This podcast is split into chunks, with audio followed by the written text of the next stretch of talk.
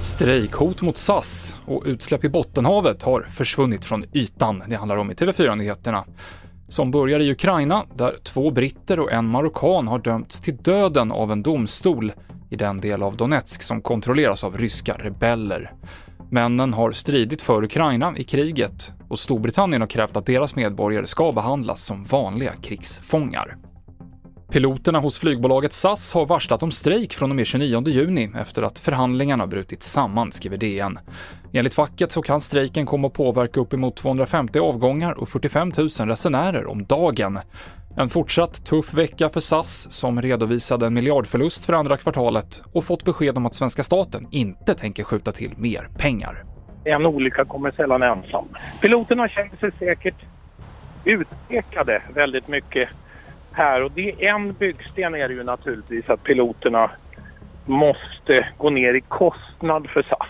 Så det ställer det hela i en väldigt svår situation. Samtidigt är det en massa andra byggstenar de ska få på plats nu med minskade kostnader, leasingkostnader för flygplanen, en minskad administration, skenande bränslepriser. Flyganalytikern Jan Olsson.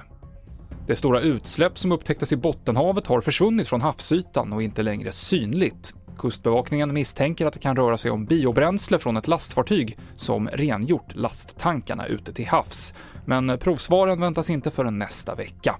Åklagare har inlett en förundersökning om miljöbrott. Och skulle det här göra dig mer sugen på att slänga skräp?